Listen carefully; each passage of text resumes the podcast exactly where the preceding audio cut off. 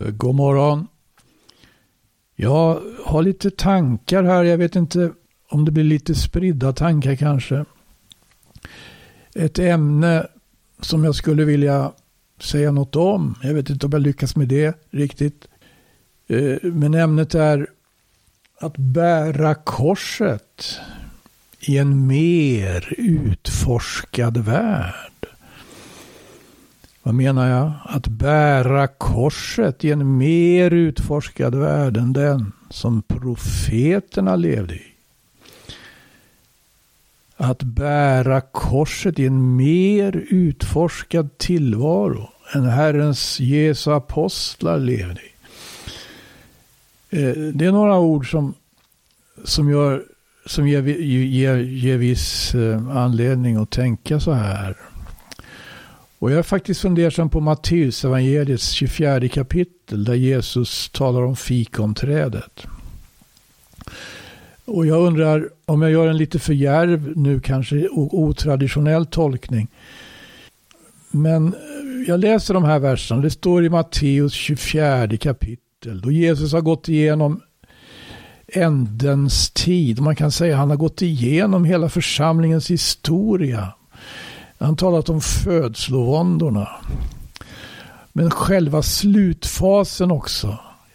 Världens ände då han talar om den stora vedermödan. Eh, och när han har skildrat hur solen förmörkas och månen mister sitt sken och stjärnorna faller från himlen och människosonens tecken ska visa sig och alla folk ska jämra sig vid hans åsyn. Då kommer han in på det här med fikonträdet. Det heter från vers 32. Ifrån fikonträdet må ni här hämta en liknelse. När dess kvistar börjat få save och löven spricker ut, då vet ni att sommaren är nära. Likaså när ni ser allt detta, då kan ni och veta att han är nära och står för dörren. Sannerligen säger jag er, detta släkte ska icke förgås förrän allt detta sker. Himmel och jord ska förgås, men mina ord skall aldrig förgås. Jag är lite fundersam på här, för i det här kapitlet, i detta så kallade Jesu, det kallas för Jesu eskatologiska tal på Oljeberget, så citerar han profeten Daniel. Men jag undrar om inte det här är, är inte direkt, men någon slags indirekt kommentar till profeten Jeremia. Jeremia skriver nämligen i sin, i sin eh, i 30, 31 kapitlet i sin bok, i 35 versen kan jag läsa. Så säger Herren, som han som har satt solen till att lysa om dagen och, och månen och stjärnorna till att lysa om natten i ordnad gång. Han som rör upp havet så att dess böljor brusa. Han vilkens namn är Herren Sebaot. Först när denna ordning icke mer består inför mig, säger Herren, först då ska Israels släkt upphöra att inför mig alltjämt vara ett folk. Ja, så säger Herren först när himmelen blir uppmätt där ovan och jordens grundvalar utransakade där nere. Först då ska jag förkasta all Israels släkt till straff för allt vad de har gjort, säger Herren. Här har vi ju det här. Jesus talar om att himmel och jord ska förgås. Jeremia talar om solen. Herren Gud, han har satt solen till att lysa om dagen, månen och stjärnorna till att lysa om natten. Här talas om ett släkte som inte ska förgås förrän, förrän något sker. Allt det som sker som Jesus talar om i Matteus evangeliets 24 kapitel. Det är ganska omfattande saker han talar om. Och hans apostel Johannes kommer till undsättning i, i uppenbar, med Uppenbarelseboken, i, i Bibelns sista bok. Och liksom, ska vi säga, utvecklar och eh, understryker vad Herren och vad hans profeter har sagt. Jeremia redan talade om det här, ett släkte som ska upphöra att inför mig alltjämt vara ett folk. Men när ska det ske då? Jo, först när himlen blir uppmätt där ovan och jordens grundvalar utransakade där nere. Och då kan man ju fundera på, är det här ett annat sätt egentligen att säga att det kan aldrig, kommer aldrig att förgås? För när kommer himmelen någonsin att mätas upp? De gamla, de såg himmelen och de försökte beskriva den. Det har alltid varit mycket fascinerande att betrakta himlen, natthimlen inte minst, och alla stjärnorna syns. Och man hade naturligtvis vissa föreställningar om de här föreställningarna var väl den att jorden var i centrum, solen rörde sig kring jorden och eh, månen också. Ja, det stämmer ju att månen rörde sig kring jorden, men solen rörde sig inte kring jorden. Den rörde sig inte alls eh, på det viset. Därför att det var jorden och de andra planeterna som rörde sig och som fortfarande rör sig kring solen. Och med de här upptäckterna så vidgades ju uppfattningen om själva himmelen. Så när kommer någonsin himlen då bli uppmätt? När kommer jordens grundvalar att utransakas? En sak är allvarlig här därför att i samband med att vi läser om Babels torn och hur Gud förbistrade språken, tungomålen. I, I första Moseboks elfte kapitel så säger Herren i den sjätte versen att det är ett enda folk, detta är deras första tilltag. Hädan efter ska ingenting bli dem omöjligt. Vad det än beslutar att göra. Eller hädan efter ska inget bli dem otillgängligt. Vad de än planerar att göra. Och nu har det företagits allvarliga försök att uppmäta himlen. Det pågår för fullt. Att utransaka jordens grundvalar. Och vad har man inte kommit fram till? Vad har man inte kommit fram till? Eh, det här har ju att göra med att kunskapen blir allt mer omfattande. Tillvaron utforskas allt mer. Och hur är det med Guds upp, uppenbarelse i en mer utforskad värld? Gud uppenbarar sig för profeterna kan vi läsa och det var mycket allvarligt. För profeten Hesekiel till exempelvis, när det skedde, var det skedde. Inte minst allvarligt var det för profeten Jesaja, när skedde det då? Var skedde det? Jesaja skriver i kapitel 6. I det år då konung Ussia dog såg jag Herren sitta på en hög och upphöjd tron. Och släpet på hans mantel uppfyllde templet. Då får vi svar på de frågorna. När skedde det? Det skedde i det år då konung Ussia dog. Var skedde det? Så som sig bör i templet i helgedomen. Gud uppenbarar sig i helgedomen. Faktiskt. Eh, för profeten Hesekels del så läser vi då, han skriver i första kapitlet i det trettionde året. Och det är lite mystiskt det där, i det, vilket då trettionde år? På femte dagen i fjärde månaden, när jag var bland de fångna vid strömmen Kebar, öppnades himlen och jag såg en syn från Gud. Här får vi veta när, men inte riktigt vad är det här för något i det trettionde året? När vi får läsa en vers till, då heter det så här. På femte dagen i månaden, när femte året gick efter att konung Jojakin hade blivit bortförd i fångenskap.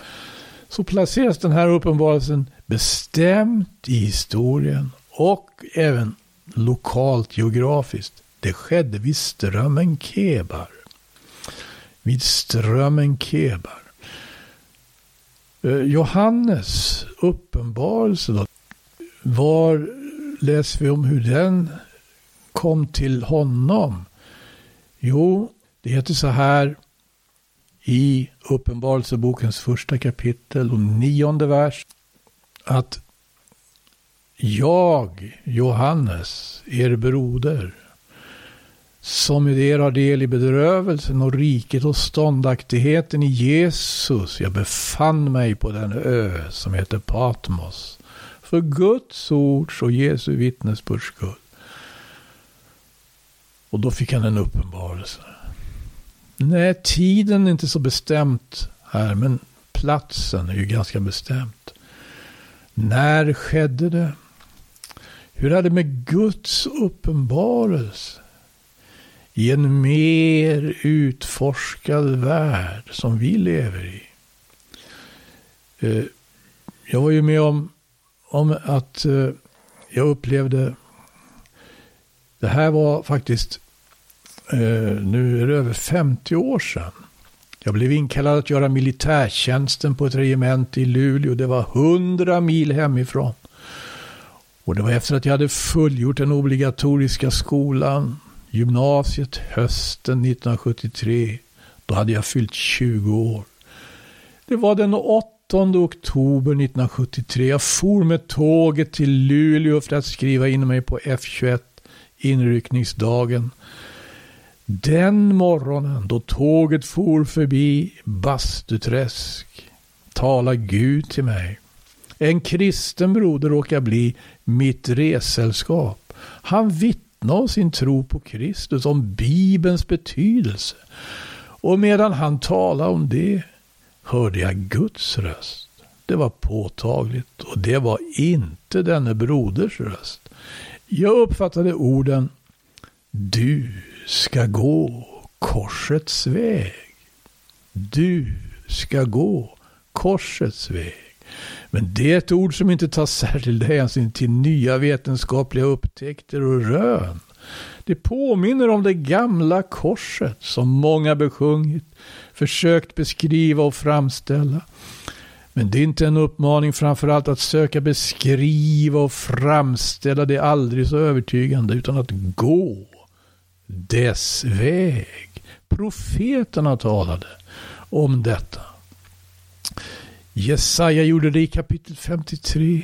Han talade om korset, om Jesu lidande, hur Jesus Kristus blev förkastad.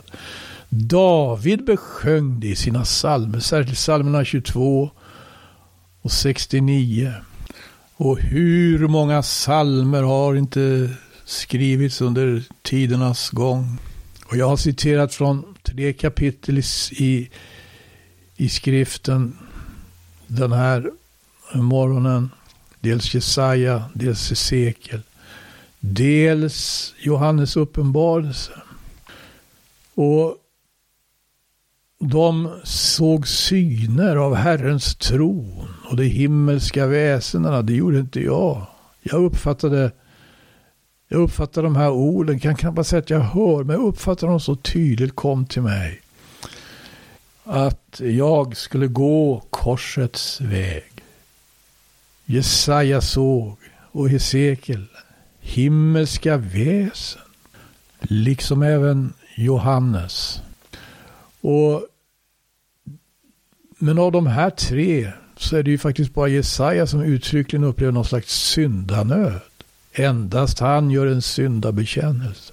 Hesekiel och Johannes upplever att de förlorar kraften. Eller i alla fall inte kan stå på sina fötter. Uppenbarelsebokens första kapitel 17 vers. När jag såg honom föll jag ned för hans fötter. Så som hade jag varit död, men han la sin högra hand på mig synd, kraftlöshet och död gör sig påminda hos det mänskliga redskapet när Herren uppenbarar sig. Och jag fick ganska snart då, 1973, 74, kontakt med läsarna, Norrlandsläseriet och Jesusfolket kom på besök. Jesusfolket i en karavan med husvagnar. Men man satt i mina händer Rosenius skrifter. Och där fick man verkligen läsa om, om synden och syndaeländet som människan befinner sig i. Och varför det här är så nödvändigt att Jesus måste dö.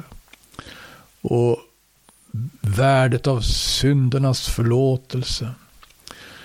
Och så småningom fick jag ju läsa andra, annan litteratur, andlig litteratur, evangelisk litteratur, samtida evangelisk litteratur och möta många kristna och möta människor som hade på motsvarande sätt som jag då mött Gud, fått vara med om att de hade fått uppenbarelser. Gud uppenbarelse också i en mer utforskad värld. Gud upp, uppenbarar sig en mer utforskad till och än den profeterna led i. Som fick de här, Eh, som, som har gett oss de här skrifterna. Som, som, som finns i Bibeln. En, en mer utforskad tillvaro än den som apostlarna levde i. Som också har bidragit till att vi har en bibel, en bibel. Gud var det evigt lov. Ja, nu lever vi visserligen i en mer utforskad tillvaro, men vi har också att göra med gamla, liksom helt bibliska begrepp i, i de dagliga nyheterna. Vi hör om Israel dagligen. Det är väl ganska märkligt va? Israel. Som bibelläsare kan jag inte låta bli att studsa när jag hör om eh, det pågående kriget i Gaza. Ännu pågående då jag gör den här inspelningen den 2 december. Och läser sådana ställen exempelvis som hos profeten Sefania kapitel 2. Det heter så här i fjärde versen där till sjunde. Ty Gaza ska bli övergivet och Askelon bli en ödemark. Mitt på ljusa dagen ska Astods folk drivas ut och Ekron ska ryckas upp med roten. Ve er som bebor landsträckan ut med havet, ni av Kereternas folk. Ett Herrens ord ska nå dig, kanan. Du filisternas land. Ja, jag ska fördärva dig så att ingen mer bor i dig. Och landsträckan ut med havet ska ligga såsom betesmarker. Där herdarna har sina brunnar och fåren sina follor.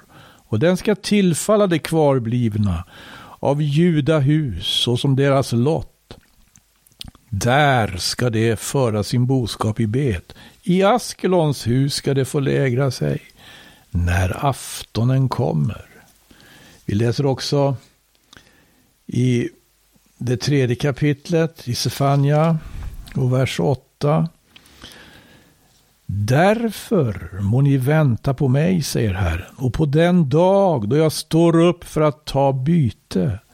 För mitt domslut är, jag ska församla folk och hämta tillhopa konungariken för att utgjuta över dem min ogunst, all min vredes glöd. Ty av min nitälskans eld ska hela jorden förtäras. Och så har vi Sakarja då, kapitel 9 i Sakarja. Sakarjas bok, jag läser från femte till och med sjunde versen. Askelon ska se det med fruktan och Gasa med stor bävan, så och Ekeron, För deras hopp ska komma på skam. Gasa miste sin konung. Askelon blir en obebodd plats. Asdod ska bebos av en vanbördig hop, så ska jag utrota Filisternas stolthet.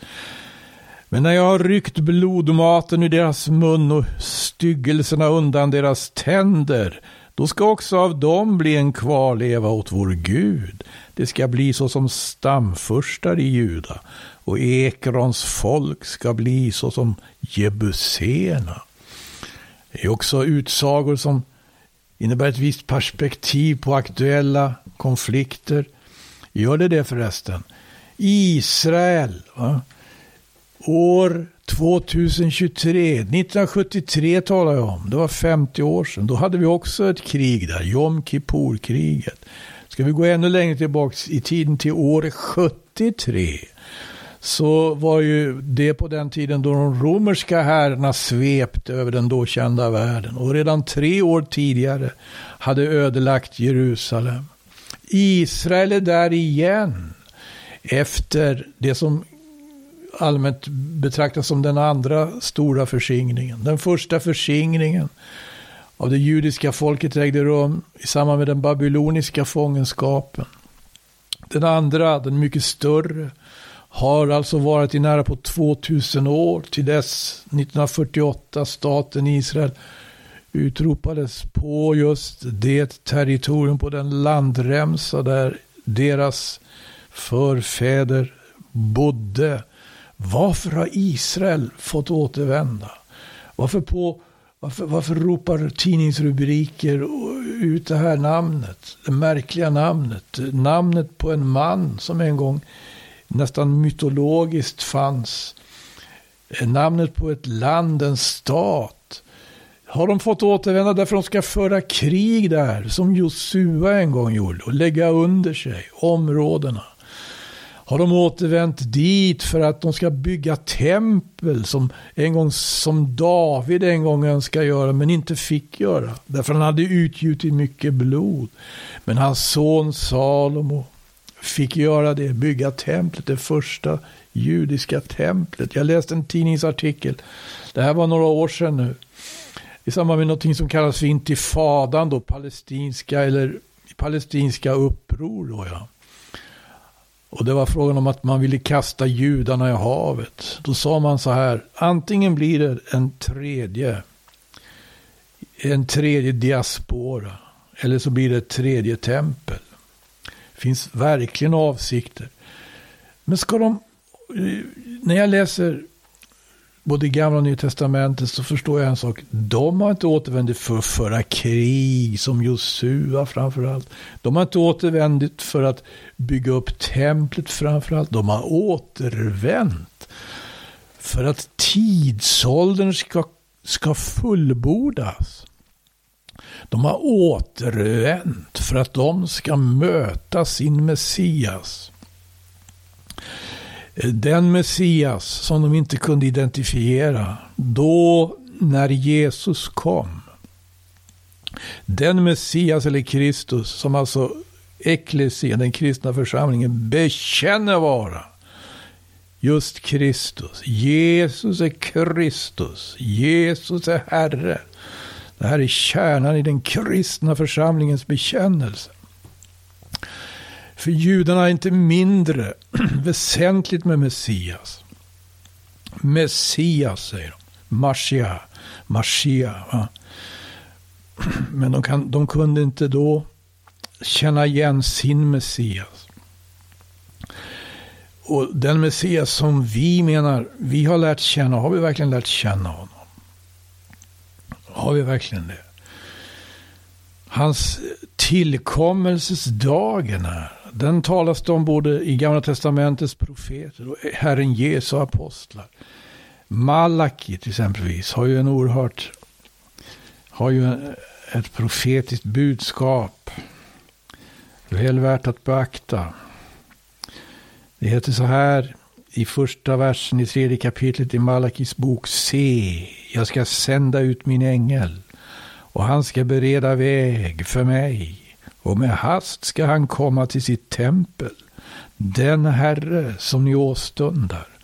Ja, förbundets ängel som ni begär, se han kommer, säger Herren Sebaot. Men vem kan uthärda hans tillkommelses dag och vem kan bestå när han uppenbarar sig?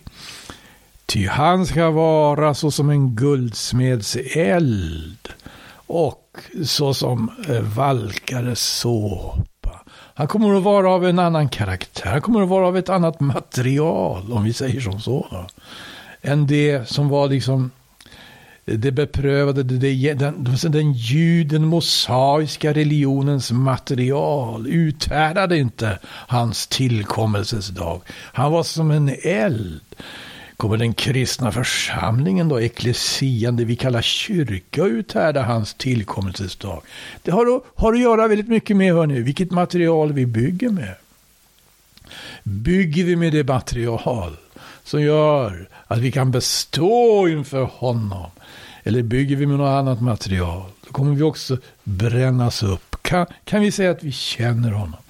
Han som är vår Jesus, vår Kristus Jesus, han är faktiskt också judarnas Messias. Och historien som den har utformat sig.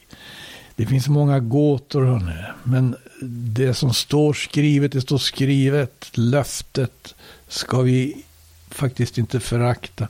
Löftet ska vi hålla högt. Han, Jesus, kommer, Maranata.